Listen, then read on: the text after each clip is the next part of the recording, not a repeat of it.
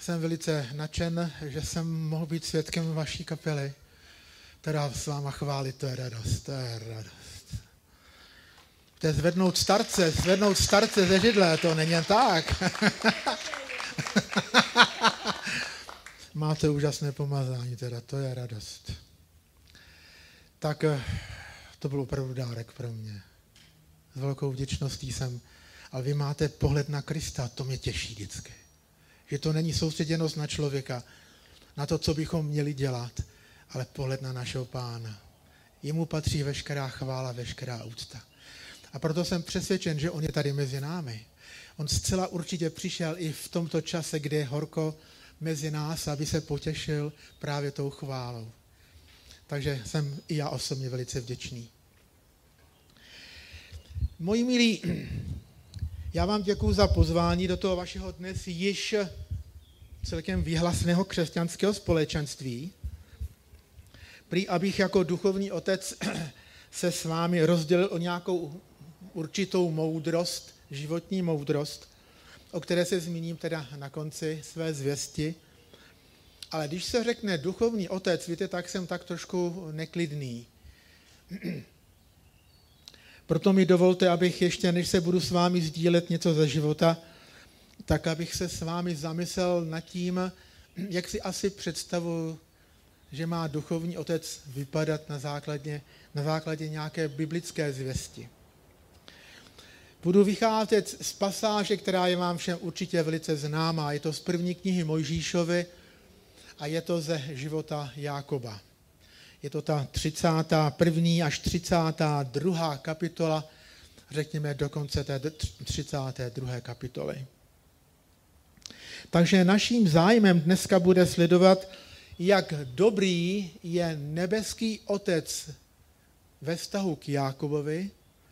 Také budeme sledovat, jak Jákob byl dobrým otcem své rodiny, ale rád bych, abychom také zahlédli, jak Jákob se nakonec stává duchovním otcem. Když čtete ten příběh okolo Jákoba, tak zjistíte, že to byli andělé, kteří ho doprovázeli, když utíkal do Cháran a byli to andělé, kteří zase byli s ním, když odcházel z Cháran a byli to andělé, kteří se mu tam ukázali. A jestliže tolik andělů přichází k někomu, kdo je formován boží láskou, tak eh, jeho svědectví je jistě velice důležité a hodnotné a má nám to co povědět. Je to inspirativní. Takže pojďme se malinko podívat na ten životopis Jákoba. 20 let služby u svého strýce Lábana v Cháran je údobím Jákobova pokoření ale zároveň na druhé straně prožil mnohé boží požehnání. Ano, byl tam nebeským otcem formován a pro jeho životní svět, pardon, tam byl formován a vychováván v těch nepříznivých podmínkách a dokonce můžeme tvrdit, že tam opravdu vytrval. My bychom dneska řekl, že obstál jako dobrý boží služebník. Po 20 letech odchází od Lábana takovým utajeným útěkem a když odchází, tak vlastně tuhletu, tohleto období uzavírá, uzavírá se významný úsek jeho života. A je zvláštní, že se to děje na hranicích vlastně zaslíbené země, která, která byla dána Abrahamovi a Izákovi. A tam na hranicích této země země se Jákob setkává s dvěma houfy andělů, které tam byly vojensky seřazeny. Nemáme tam žádnou zprávu, co se to tam vlastně odehrává a co se děje vnitru Jákoba. Nicméně za chvilku vám naznačím, že to bylo pro něho také velice důležité. A na těchto hranicích v podstatě dochází k tomu, že tam byla uzavřená smlouva mezi Lábanem a Jákobem, kde uzavřeli smlouvu, že nebudou vzájemně na sebe útočit a že se budou teda rozcházet v pokoji. A co je tam podstatné, je, že tam Jákob se jednoznačně odděluje od všech bohů, které uctíval Lában. A Jákob tam uznává a uctívá jediného Boha, kterého nazývá strach Izákův. To znamená, stále měl ještě svoji představu, že hospodin, který promluvil k Abrahamovi a k Izákovi, k jeho otci, že to je Bůh, který dokáže vypůsobit děs prostě v srdcích a myslích jeho nepřátel. Když se rozchází, když se rozchází s tím Lábanem, tak je tam napsáno a šel Jákob svou cestou. My bychom si zřejmě řekli, no asi zřejmě tou cestou, kterou přišel do, šel do Cháran, tak stejnou cestou odcházel zpátky, ale mně se zdá, že je v tom daleko víc. Když se řekne, že šel svou cestou, mám za to, že šel cestou svého přesvědčení, že je to sice pravda, že oklamal svého bratra Ezau a dokonce svého otce Izáka, ale on přece hájil boží záměr. Jemu šlo o to, aby se nestratilo to, co bylo svěřeno hospodinem Abrahamovi a Izákovi. Přece dělá spravedlivou věc.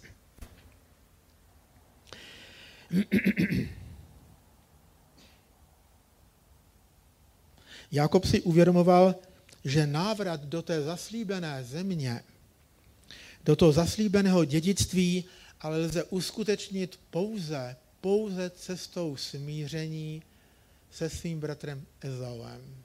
A on dobře věděl, že Ezau tenkrát vyhlásil, že až se vrátí, až přijde čas, kdy náš otec zemře, tak já tě prostě zabiju. Za to, co jsi mi provedl. A on to dobře Jákob věděl. Měl z něho strach. A právě tehdy z boží iniciativy dochází k tomu, že se Jákob setkává s těmi dvěma tábory andělů, které tam byly vojensky seřazeny. A vidí to jen on sám. Není zde nic objasněno, co Jákob prožíval. Lze se jen domnívat, že i opět nebeský otec připravuje na něco doposud neznámého. Na jedné straně Jákob je určitě povzbuzen, že hranice zaslíbené země chrání anděle a že teda dobré tam vstoupit a že teda může počítat s tím, že na tého pouti ho bude provázet boží přítomnost. Ale na druhé straně Jákob ví, že ho čeká nelehký zápas, sice bez zbraní, ale setkání s jeho bratrem. A tak podle toho, jak byly uspořádány ty vojenské tábory, i Jákob se rozhodl uspořádat tu svoji rodinu. Svoji rodinu, kterou tvořila, tvořili, tvořila Líja a její synové a také její služka, její synové, dále potom také jeho manželka a jejich děti. Rozdělili se také na dva tábory. Nechal nejprve jít Líju a potom teprve Ráchel. No a také ještě tam měl několik takových, eh, takových eh, houfů, kterých, do kterých on nechal, nebo v které byly naplněny eh, eh, jakými si dary, stády, které on posílá ke svému bratru Ezaovi. Nicméně Jákobova sevřenost strachem ze setkání s tím Ezauem tam přetrvává, když takto seřadil svoji rodinu. Silný hněv a nenávist, kterou Ezou pěstoval celých 20 let, to ve svém srdci nelze usmířit nějakým materiálním potěšením. A tak se o tom Jákob dozvídal, že ty jednotlivé dary nepřijímá jeho bratra. A tak Jákob se modlí, co mu zbývá jiného. Modlí se a vyznává před hospodinem, vždyť jsem přece matkou, přece jsem matkou nad dětmi. Čili jinými slovy, říká jsem ochránce, ochráncem té boží rodiny, která přece má být součástí toho božího zaslíbení. To je hospodinu určitě milé. Ale co ten jeho doposud neproměněný charakter? Ten doposud jeho neproměněný charakter. Vždycky si Jákob pomáhal s trochu lstí. Jákob znamená lstivý, že? Používal hodně ten svůj rozum a jakousi lest, jak nad vším vyzrát mnohokrát vyzrál také nad právě Lábanem a Bůh mu v tom požehnal nad přirozeným způsobem. Ale Bůh chce jednat s jeho charakterem. který byl doposud neproměněný a který Jákob skrývá za svou zbožností a také za svou spravedlností. To je třeba si uvědomit. On něco skrýval.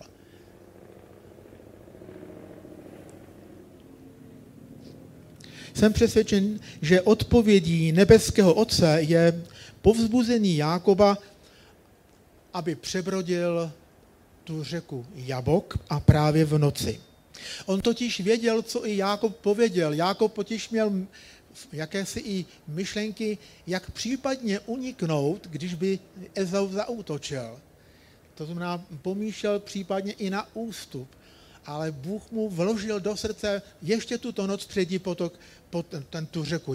Jabok, ona to nebyla velká řeka, ale je nutné si uvědomit, že kdo byl v Izraeli, tak ví, že takzvané vádí, to není prostě rovina. To je hluboké údolí, to je kanion, kde není vůbec jednoduché sestoupit nejdřív dolů, musíte najít cestu, pak přebrodit a pak zase najít cestu, jak vystoupat nahoru. Když na to Jákob poslechl a skutečně sestoupil a převádí tu svoji rodinu, tak samozřejmě snaží se, aby ho právě v tom vádí Ezau nepřepadlo, protože tam nebyla cesta už úniku. Tam by opravdu byl doslova převálcován. Ale podařilo se mu teda tu rodinu dostat na druhý břeh, blíž k tomu Ezauvi. Jsem o tom přesvědčený, že tady jednal velice dobře jako otec rodiny, jsem, protože on každého převádí osobně, a jistě i povzbuzuje, neboj, nebojte se, hospodin nám pomůže. Ten přechod byl nesmírně náročný. A když se mu to podařilo, tak nakonec dochá, došlo k tomu, že podalo, podalo se mu je utáborit, aby aspoň do rána ještě trošku odpočinuli, než se rozbřeskne, tak se ukázalo, že Jakub byl velmi unavený, vyčerpaný a samozřejmě ještě pořád s myšlenkami, co bude zítra, co bude zítra a je tam najednou sám. A v tom okamžiku je tam najednou přepaden nějakým neznámým, je tam napsáno. Já jsem přesvědčený, že to je Ježíš Kristus, že to je Boží syn, který se tam s ním setkal a tedy tam s ním bojoval. A který mu tam nastavil zrcadlo. Umíte si představit, co se tam asi odehrávalo? Došlo tam k zápasu doslova umím si představit, jak Jákob úplně sevřel vší silou své duše a, a svých svalů sevřel toho posla a vysvětloval mu, teď já přece ale hájím boží záměry. Ale ten, který ho tak, také držel velice pevně v tom sevření, mu dával najevo, ale víš, co si udělal? A dochází tam k tomu, že je tam Jákob usvědčen. To byl zápas, kdy on byl usvědčen, kdy on poznal hrůzu svého srdce, činí tam hluboké pokání a prosí za odpuštění. V tom sevření prosí odpust mi, hospodine, otče, bože, odpust mi, bylo to zlé. Já to vím. Proto nakonec dostal to vyznamenáno, vyznamenání, dobře si zápasil s lidmi. To znamená, dobře se postavil, správně se postavil k tomu, aby se stala proměna. Ale na druhé straně křečovitě drží toho neznámého a připomíná mu všechna zaslíbení. A proto ho také ten neznámý nemohl přemoci. Boha nemůžete přemoci, víte kdy? To je jediný způsob, kdy ho nemůžete přemoct. Když mu připomínáte jeho vlastní výroky. A on mu připomínal, to si řekl Abrahamovi, toto si řekl Izákovi a toto si řekl mně. Výsledkem tohoto zápasu bylo, že ano, dostal slova uznání. Dobře si zápasil s lidmi a dobře si zápasil s Bohem. Tam došlo k proměně, k hluboké proměně jeho charakteru. Tam také potom žádá, aby se mu představil ten, který s ním zápasil, ale on jasně, jednoznačně hned na začátku pochopil Jákob, ten, který se mnou zápasí, to je od hospodina poslaný, to je ten požehnaný, pomazaný a proto ho žádá, požehnejme. Požehnejme.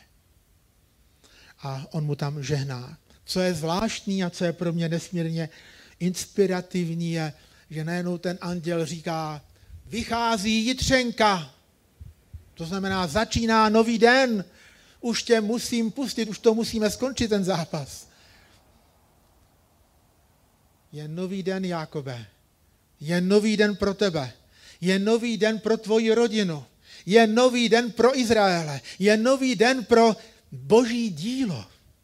Moji drazí, a nehněvejte se na mě, když já řeknu, já tím žiju totiž v těch posledních dvou letech. Je nový den pro Česko.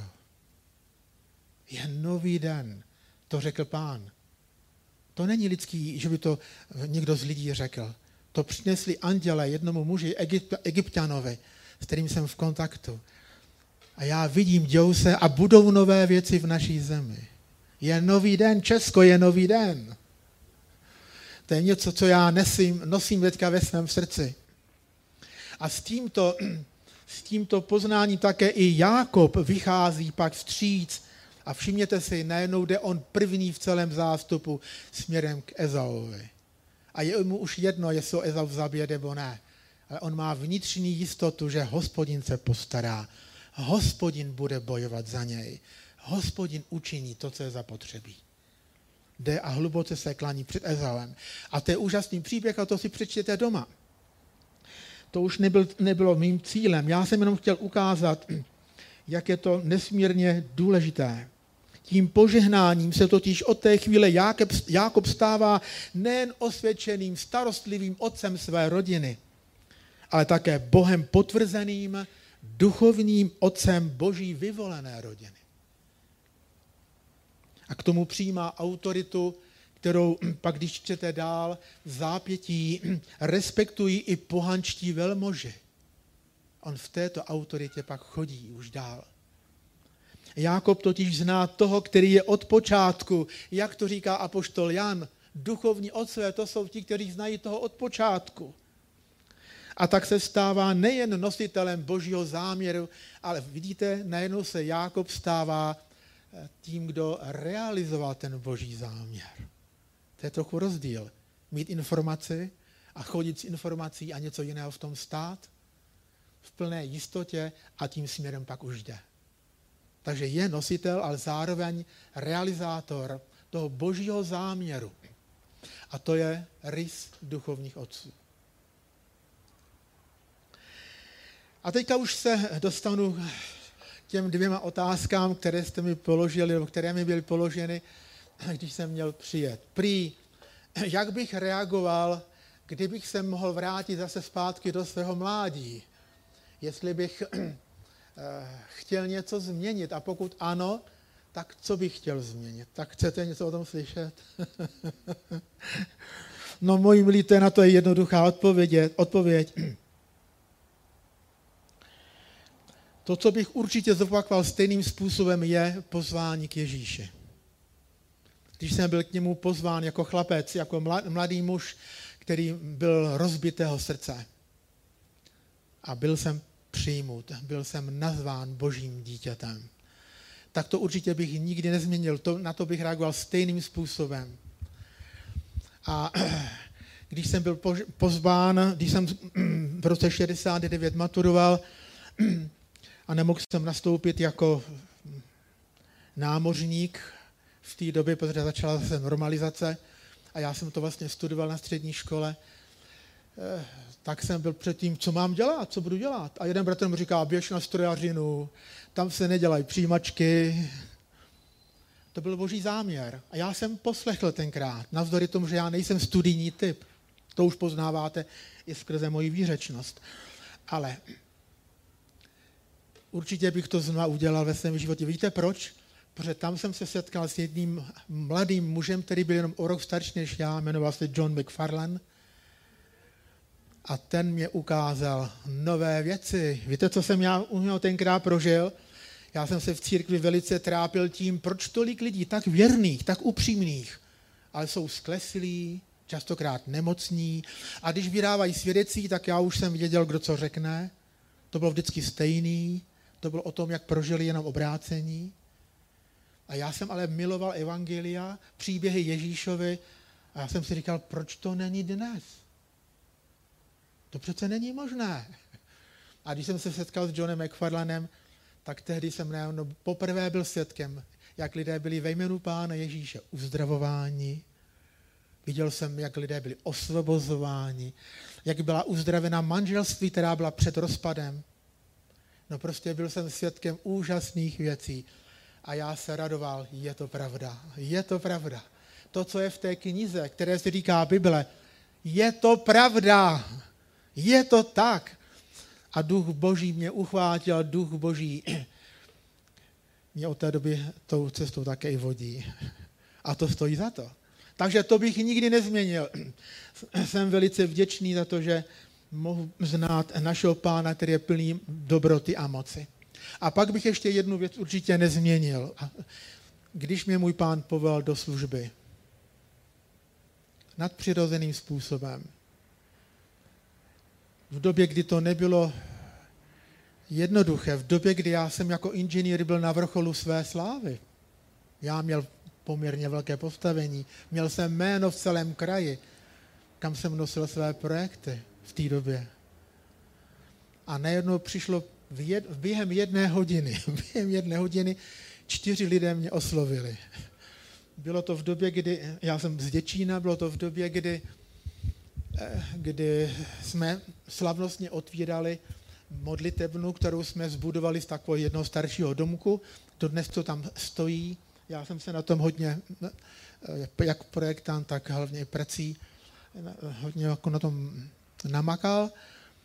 Vůbec mě to tam netěšilo. Moje manželka byla zrovna v té době ve škole v přírodě s mými dvěma syny.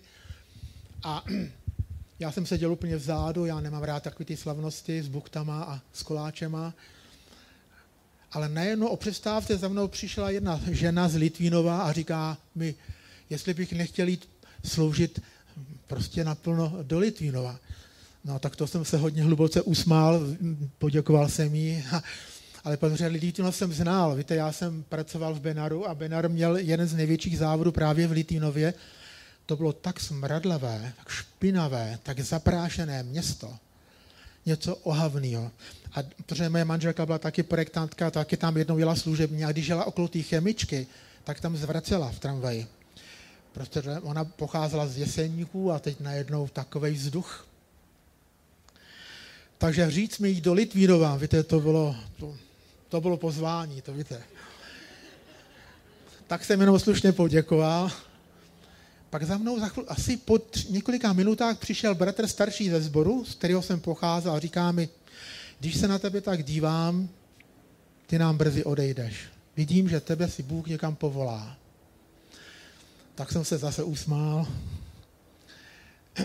Říkal jsem si, já už jsem v té době byl charismaticky laděný, to tenkrát se nenosilo, tenkrát bylo jiný, no. Dneska je to úplně jiná doba.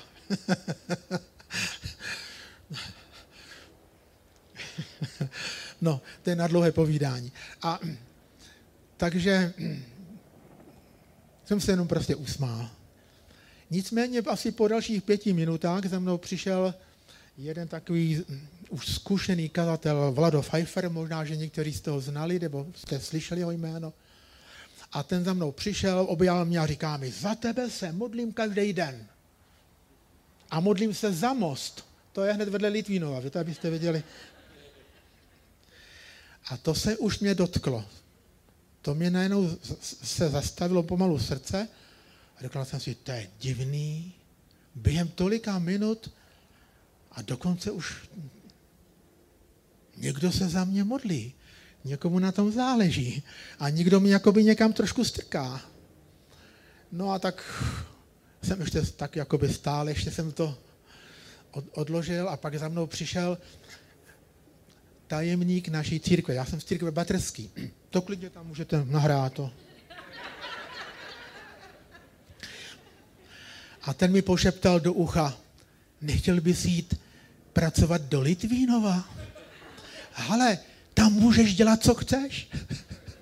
Tam žádný kazatel nechce jít. A na to skutečně byla hrozná díra a nikomu jsem se nedivil, že tam někdo nechtěl jít. Ale zvláštní je, víte, když jedná Bůh, tak to se dotýká už srdce, nejenom hlavy, ale to se dotýká nejenom srdce. Nejenom jsem byl plný sevřenosti, nemohl jsem tam už vystát, odešel jsem prostě z té slavnosti, slavnosti pryč, běžel jsem domů a pořád jsem se pral s Bohem. Bože, co to ode mě chceš?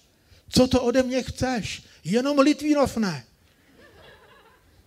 Když jsem ti celá, celých deset let říkal, že jsem ochotný jít do služby. Ale ty víš, že jsem nakonec poznal, že to nemá žádný smysl o to usilovat, protože když jsem charizmatik, tak to neprojde. A navíc jsme si s manželkou už naplánovali, že budeme takovými řádnými, řádnými členy jednoho sboru a postavíme si hezký dům. A už jsme si to vysněli. Už je to tři týdny, bože. Už jsme si to vysněli, už jsme si to představili. A co teďka ode mě chceš? To byl boj, moji drazí, to byl zápas. Byly to teprve tři týdny, kdy jsem řekl, tak dobře, tak Bůh, to jsem se vždycky jenom mýlil, že jednou budu stát jako kazatel, ale do Litvínova, tam jsem to dobře znal. Tak, moji milí, tak jsem šel domů a pořád jsem zápasil se svým pánem, ale něco podobné jako ten Jákob, víte, to nejde. Seděl jsem u křesla, najednou jsem vylítnul, spadnul jsem na zem, ležel jsem na zemi. Něco na mě leželo, jako kdybyste na mě položili možná tunu. To byla tíha. A jen jsem ztrácel dech a nevěděl jsem, jak dál se přijít se svým pánem. Až pak jsem řekl, tak dobře.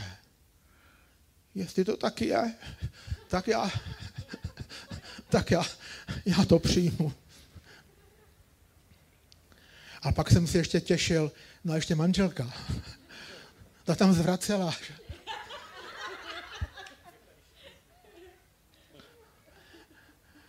Tak jsem jí poslat, tenkrát nebyly telefony a nebyly mobily teda. Byly jenom budky, že telefoní. No tak to nemělo smysl volat někam na tábor, jak jsem poslal telegram a věděl jsem, že to bude chvilku trvat, než se zase vrátí nějaká zpráva a věděl jsem, že to bude negativní a že budu mít důvod říct, nejde to.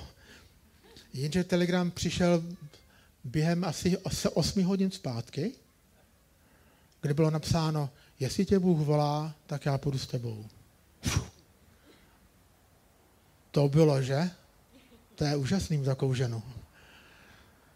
Mi to vyrazilo dech, ale pak jsem si ještě říkal, no, ještě bude pohovor v radě, v ústředí, a já budu rozhodně mluvit o tom, co jsem prožil. Nebudu lhát. A tam to neprojde. Byl jsem pozván do rady.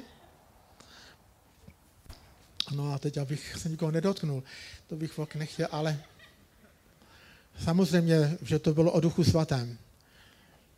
A tam byly dvě skupiny, proti sobě seděli u stolu a to dělá Bůh to dělá Bůh tohleto.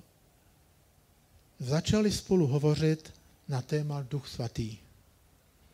Jedni tak, druzí jinak. Si to tam pinkali, trvalo to asi dvě hodiny, já jsem jenom takhle házel hlavou. A po dvou hodinách ten bratr předseda říká, bratře Petře, to jsme si dobře porozuměli, víte? A já říkám, jo. a dostal jsem souhlas. Takže když jedná Bůh, tak je to úplně jiná cesta, než, ale já to říkám s úplnou úctou, ke těm bratrům, já si jich nesmírně vážím. Víte, to, jsou, to byli nesmírně zkušení bratři tam a moudří, a kterým jsem se nemohl rovnat ani, co se týká, až k patě bych se jim nedo, ne, nemohl dosáhnout. Nicméně jeden z těch bratrů, který byl vědecký pracovník, pak ke mnou přišel, objal mě a říká, nebojte se jít do Litvinová. Teď přece v Biblii je napsáno, cokoliv byste jedovatého pili, tak vám to neublíží. A on neměl tušení, že prorokoval. Víte proč? My jsme s manželkou, totiž náš prostřední syn, eh, trpěl neustálými angínami. A byl dokonce kvůli němu, jako manželka ani nemala do práce, on musel, nemohl jít ani do kolektivu, Prostě bylo to problematický. Dokonce manželka na něho brala nějaký, nějaký peníze, jako na ošetřování a tak. A teď jsme si říkali, a to jsme v Děčíně, na to žít do Litvínova, ty, to tam je to hrůza. Tam se totiž rodili děti, které třeba neměli sklovinu na zubech a nebo, no tam lidé, kdo byl trošku inteligentní, tak utek z toho města. To opravdu bylo, kdo to nezná, dneska to je něco jiného, dneska už přijejte, ale tenkrát to byla hrůza.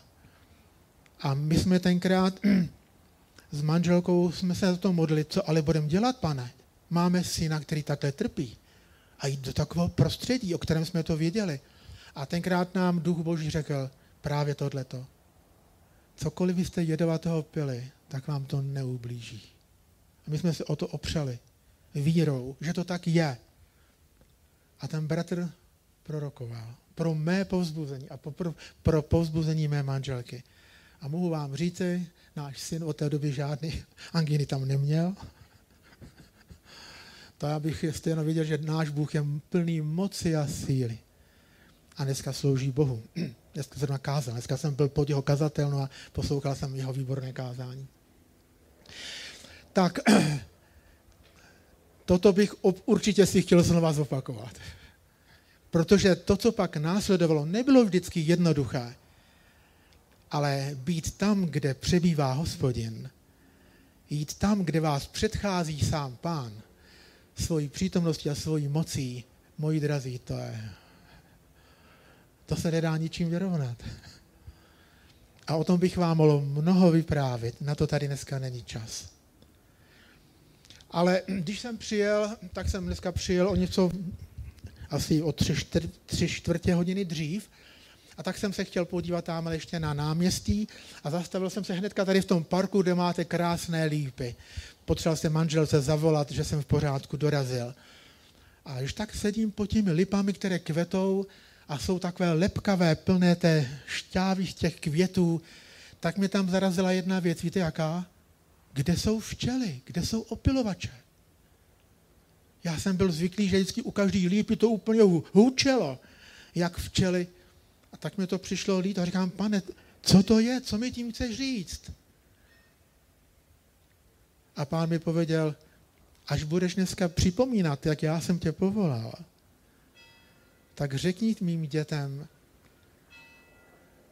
že je totiž čas, kdy jsme před velkou, velkou žiní a já potřebuju ty, kteří by byli ochotní výjít. Já potřebuji ty opilovače, já potřebuji ty, kteří by to že? Naplnili životem. A tak vám to předávám. Moji milí, já jsem nepřijel vám jenom povědět nějaké informace.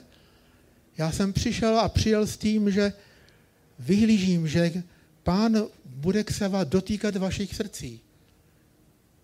A bude vás volat. Mě volal v době, kdy já jsem byl ve 40 letech na vrcholu své kariéry. A nelituju toho. Nelituju toho, moji milí. Bůh mě v ničem neokradl. I všelijaké touhy lidské mi naplnil. Sice ne hned, ale když přišel jeho čas, naplnil i mé touhy. Já miloval moře a hory, vysoké hory. Dopřál mi to velice lacino. A mohl bych vám mnoho vyprávět. Ale jenom to jedno znamená poslechnout to, když on volá. Když on volá ho umět poslechnout, říct, pane, tady jsem mám obavy, nevím si rady, jak to půjde. Ale pokud voláš, tak mi to jenom nějak potvrd, tak abych o tom nemusel nikdy pochybovat. A tak vám to, moji milí sourozenci, předávám. To je i má výzva. To je i má výzva. Procházíme jako země, česká krajina určitými těžkostmi, pandemí, teďka ten, to tornádo, Bůh mluví. Bůh působí, že v srdcích lidí se začínou klást otázky, jak to vlastně je, kde jsou ty naše jistoty. A bude to pokračovat, bude, teprve se začne projevovat hospodářská krize. Teprve to lidé pocítí. Zatím žijeme z dluhu, zatím žijeme jenom, že čerpáme peníze od, od někud a navyšuje se dluh státní. Ale my to budeme muset vyrovnat a mnozí to pocítí a já věřím, že to Bůh i dopouští, že on to zlé umí obrátit v dobré. Umí z toho udělat i užitek. Ne, že by si Bůh přál to zlé, to v žádném případě. Já jsem přesvědčený, že pandemie není od Boha. To není jeho záměr. To je záměr ďábla, který chtěl vypůsobit v lidech spouru proti Bohu. Až přijde ta krize, mnozí budou reptat a mnozí budou okrádat a mnozí budou falešnou cestou. A hlavně se budou bouřit. A hlavně křesťané, aby se bouřili. Když i oni pocítí určitý dotek. Ale Bůh umí to zlé obrátit v dobré. Že se v lidech bude také probouzet hlad, jak to teda je. Budou mít otázky a Bůh potřebuje nás, kdo bude ochotný výjít a kdo bude ochotný prostě poddat se našemu pánu Ježíši Kristu. Muži, bratři, ale i sestry.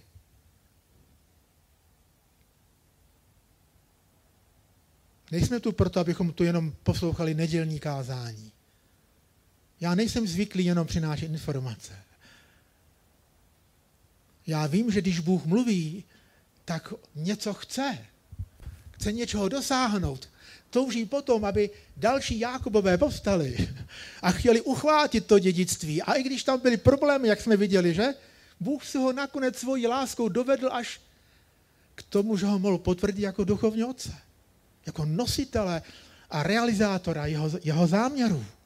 S velkým požehnáním. I když mu kulhal. Je pravda, už kulhal potom. Už se nemohl postavit pevně na své nohy. Ale Bůh byl s ním. Bůh jednal.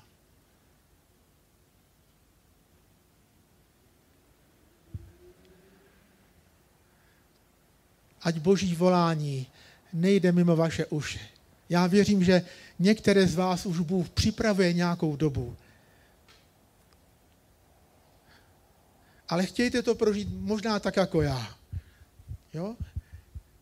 Prostě, když mě Bože voláš, pardon, tak mě to potvrď. Amen? Protože když potom přicházejí i nelehké situace, a těch jsem prožil mnoho, tak jedno jsem věděl, ale byl to Bůh, který mě zavolal. Byl to Bůh, který se i v mé slabosti nakonec dokonává.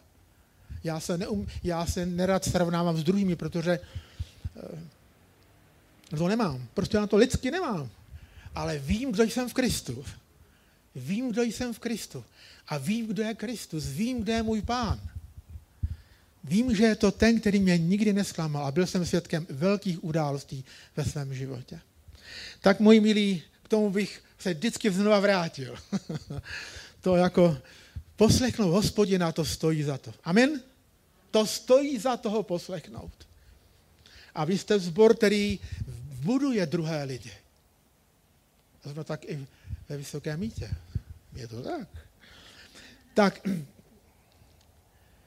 tak to je to první, co jsem vám chtěl položit na srdce. To, co bych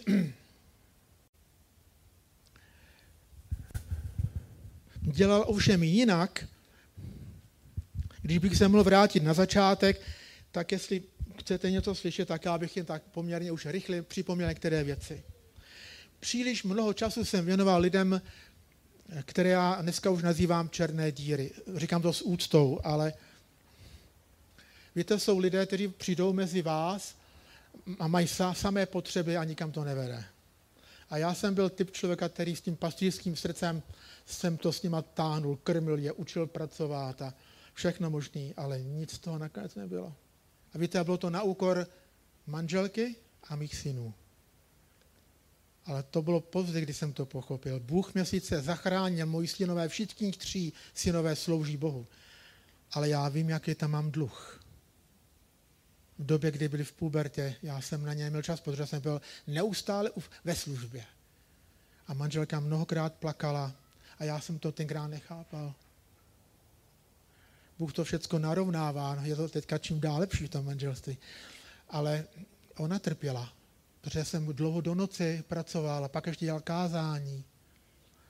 Myslel jsem si, že sloužím přece božím záměru a dneska bych to dělal jinak. Je třeba umět se nechat vést božím duchem, komu ten čas věnovat. Je nutné se ptát, pane, komu dáváš, komu dáváš do cesty, komu mám dát ten čas, koho mám připravovat pro tebe. Tenkrát to bylo víc o horlivosti, než o takovém božím eh, vedení. Takže toto bych opravdu už nechtěl se k tomu vrátit.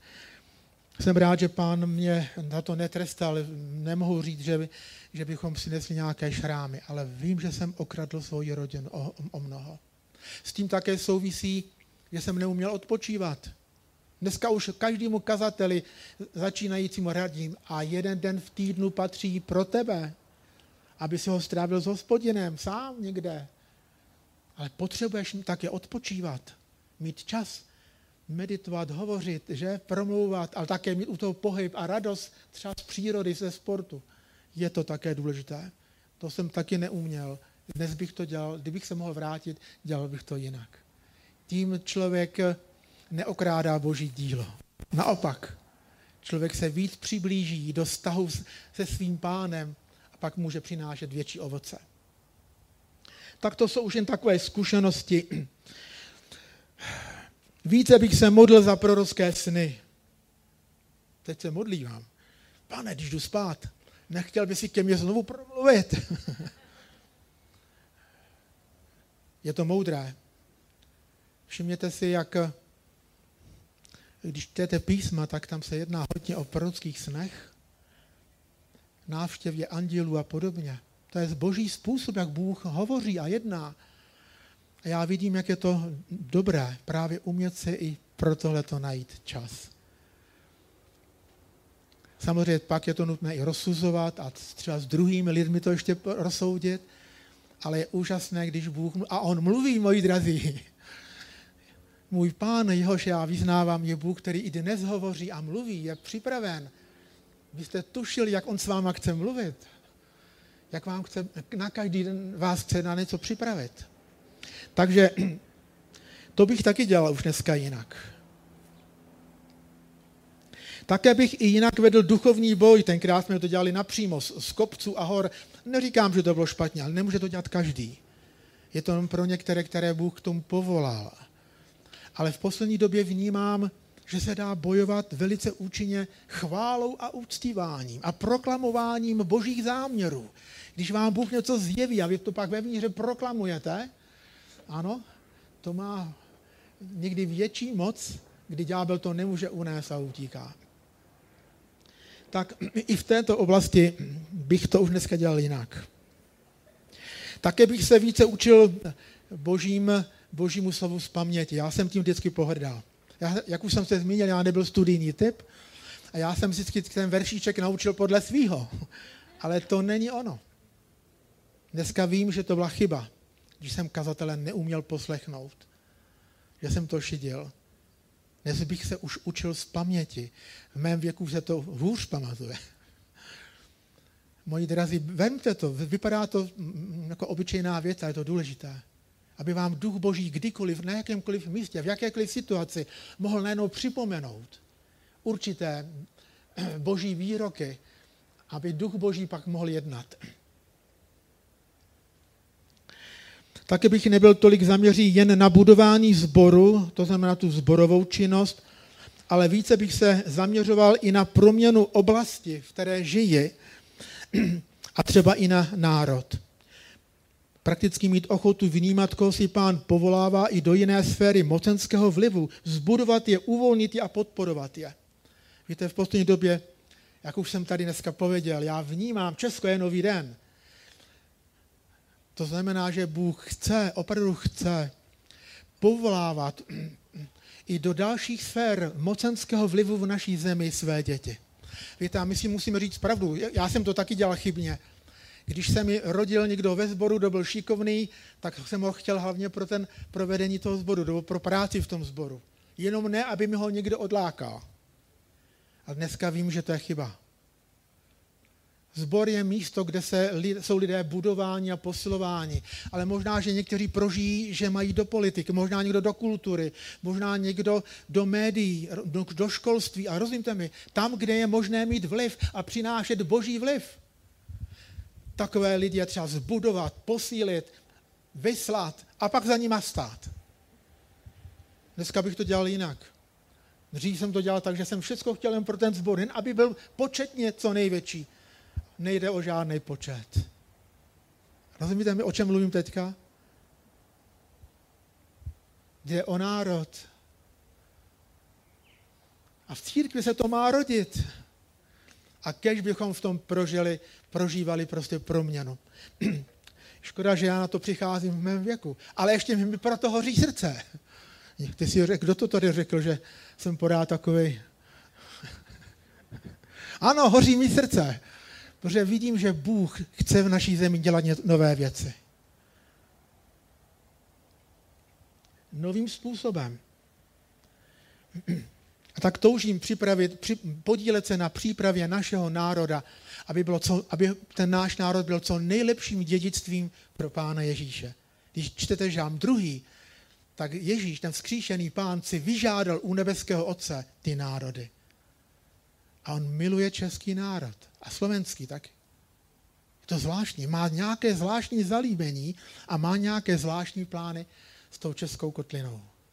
Moji drazí, necháte se natchnout? Necháte se natchnout pro boží jednání? Pro každého z vás Bůh má nějakou roli. Pro každého. Jen to potřebujeme odhalit. Také nežít jenom pro svou denominaci, ale dovolit Duchu Svatému k rozšíření toho našeho srdce pro spolupráci s jinými probuzenými společenstvími. Radovat se, když přicházejí pracovat v úzovkách do mého města. A tak se více otevří pro cestu smíření v Kristu s ostatními věřícími v národě. Moji drazí, já se vám musím přiznat, možná, že některý, některé naštvu, ale já prožívám v posledním čase změnu ve svém myšlení ke, ke katolíkům. Dřív, tak jsem byl vychováván v církvi, co nejdál od Říma, že? To neznamená stotožnit se s jejich teologií, rozumíte mi? Ale začínám zjišťovat, kolik i tam je krásných, znovuzrozených lidí, kteří úžasným způsobem milují Krista. Včera jsem si nechtěně u kávy pustil televizi Noé, včera, ano, včera to bylo, dopoledne, a zrovna tam probíhal online záběr, moji drazí, to, co tam ten bráška, ten otec vyprávěl, to bylo úžasný. Bylo úžasný.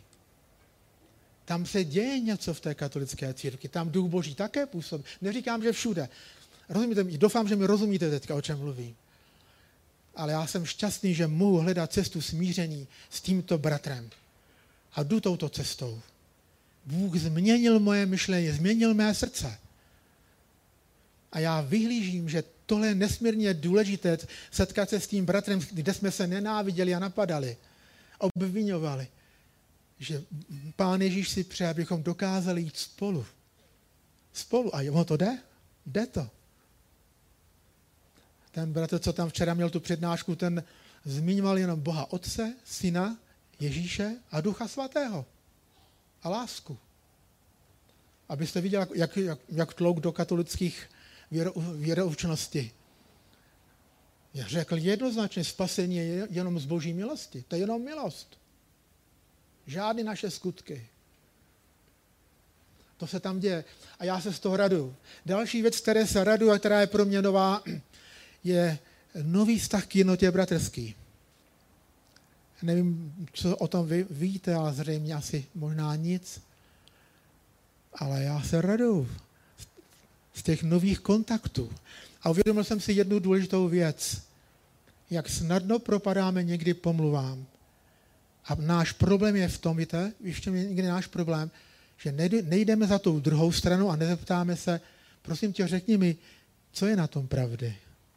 Je to tak, co jsem slyšel? Kolikrát si uděláme jakýsi závěr z toho, co jsme někde u zeleného stolu slyšeli a pak vznikají nedobré věci. Tak vidím, jak duch boží prostě touží po smíření mezi, mezi prostě i denominacemi. A musím se vám přiznat, já jsem vždycky tak prožíval Litvinov, když mě jsem Bůh poslal do tohoto kraje, tak to je naše, to patří nám, že? Co jsem se tam nabojoval, můj drazí, to, to se nedá počítat na hodiny, to je na měsíce. A teď najednou tam do toho našeho města přicházejí další. A já se dneska raduju. Když jsme to nezvládli my, pro píchu, raduju se, že Bůh posílá jiné, kteří nám tam pomáhají. Haleluja. To jsou nové věci, které se že mění v naší mysli. Dřív jsem dělal chyby, dnes bych to dělal jinak. Raduju se, přivítám je a dávám jim prostor, pracujte a Bůh vám žehnej.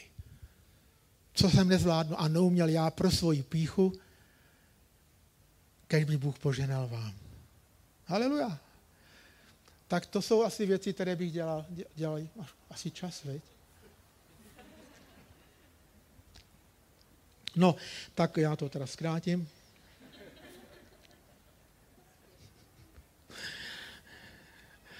Tak, dobře. Dokonce bych nepohodal i sebezděláním.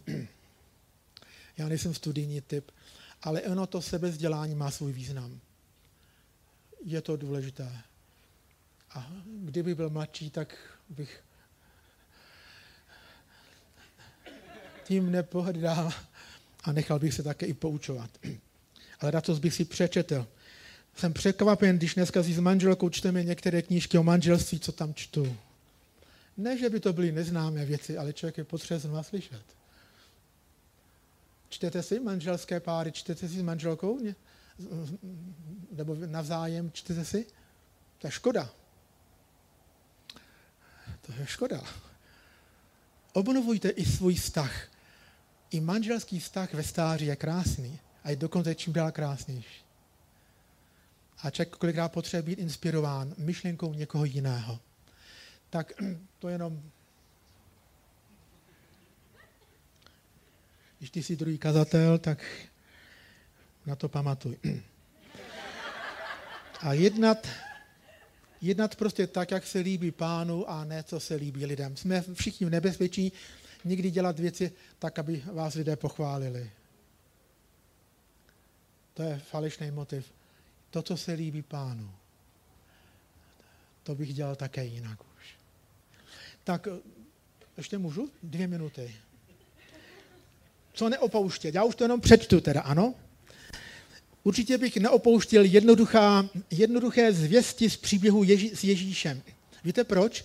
Já jsem byl na řadě velk, evangelizacích velkých evangelistů. Anakondia, Jongi Cho, třeba chcete-li Maheshavda, a v Maďarsku jsem byl u Šándora Neméteho. Všichni mluvili tak jednoduše, že já měl v ruce papír nebo notýsek a tušku a nešlo udělat ani jednu větu jako poznámku. No protože oni jenom zopakovali ten příběh. Ale pak, když dali výzvu, to byly zástupy, které přicházely za Ježíšem. Byla tam velká boží moc. Čili nepohrdat těmi jednoduchými příběhy. Já jsem v podstatě takhle, takto sloužil asi nejčastěji.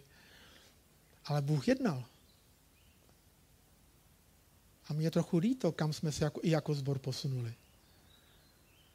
Tenkrát jsem kázal jednoduchým způsobem, ale dovolil jsem duchu božímu, aby on se dotýkal a mohl jednat. A lidé se proměňovali a lidé přicházeli. Čili nesnažit se to, o což, oč, oč se mnozí služebníci snaží, mít co nejperfektnější kázání.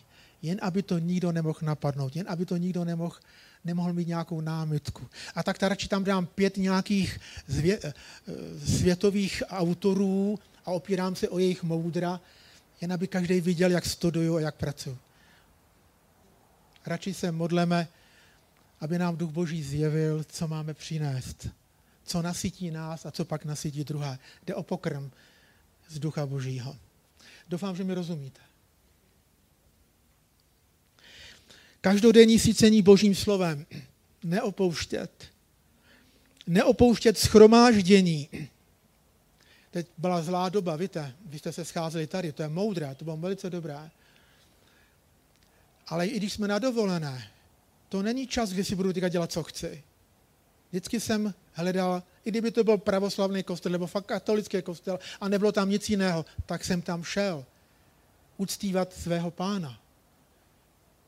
Neopouštět prostě bohoslužbu, neopouštět tam, kde se káže. Amen? Prosím. Společenství je nesmírně důležité. Potřebujeme jeden druhého, abychom mohli růst. Potřebujeme prožívat jak povzbuzení, tak i napomenutí. Potřebujeme se naučit žít spolu. Ne vždycky je to jednoduché, ale je to důležité. Takže neopouštět. Samozřejmě modlitební život, mít vztah s Duchem Svatým, mít vztah s Pánem, naučit se s ním mluvit tak jako Mojžíš, že s ním doslova diskutoval s hospodinem. Jako kdyby přítel s přítelem tváří v tvář spolu hovořili. A Bohu se to tak líbilo. A proto mohl Mojžíšovi tolik, tolik eh, svěřovat. Tak prosím, tento modlitevní život neopouštět. Ne vždycky se nám do toho chce. Není to věc nálady.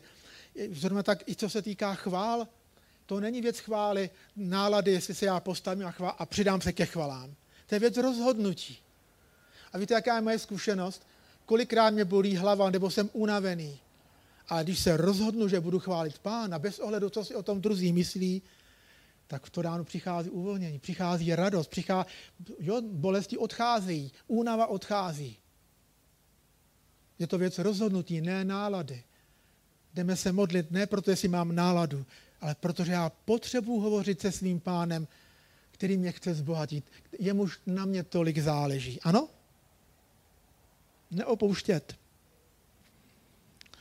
Rozlišovat, co v současnosti činí Duch Svatý a s vděčností to sledovat, či, či se dokonce k tomu přidat. Kdybych měl jiné téma, tak já bych se s váma sdílel, co Duch Svatý dělá v ČR v současnosti.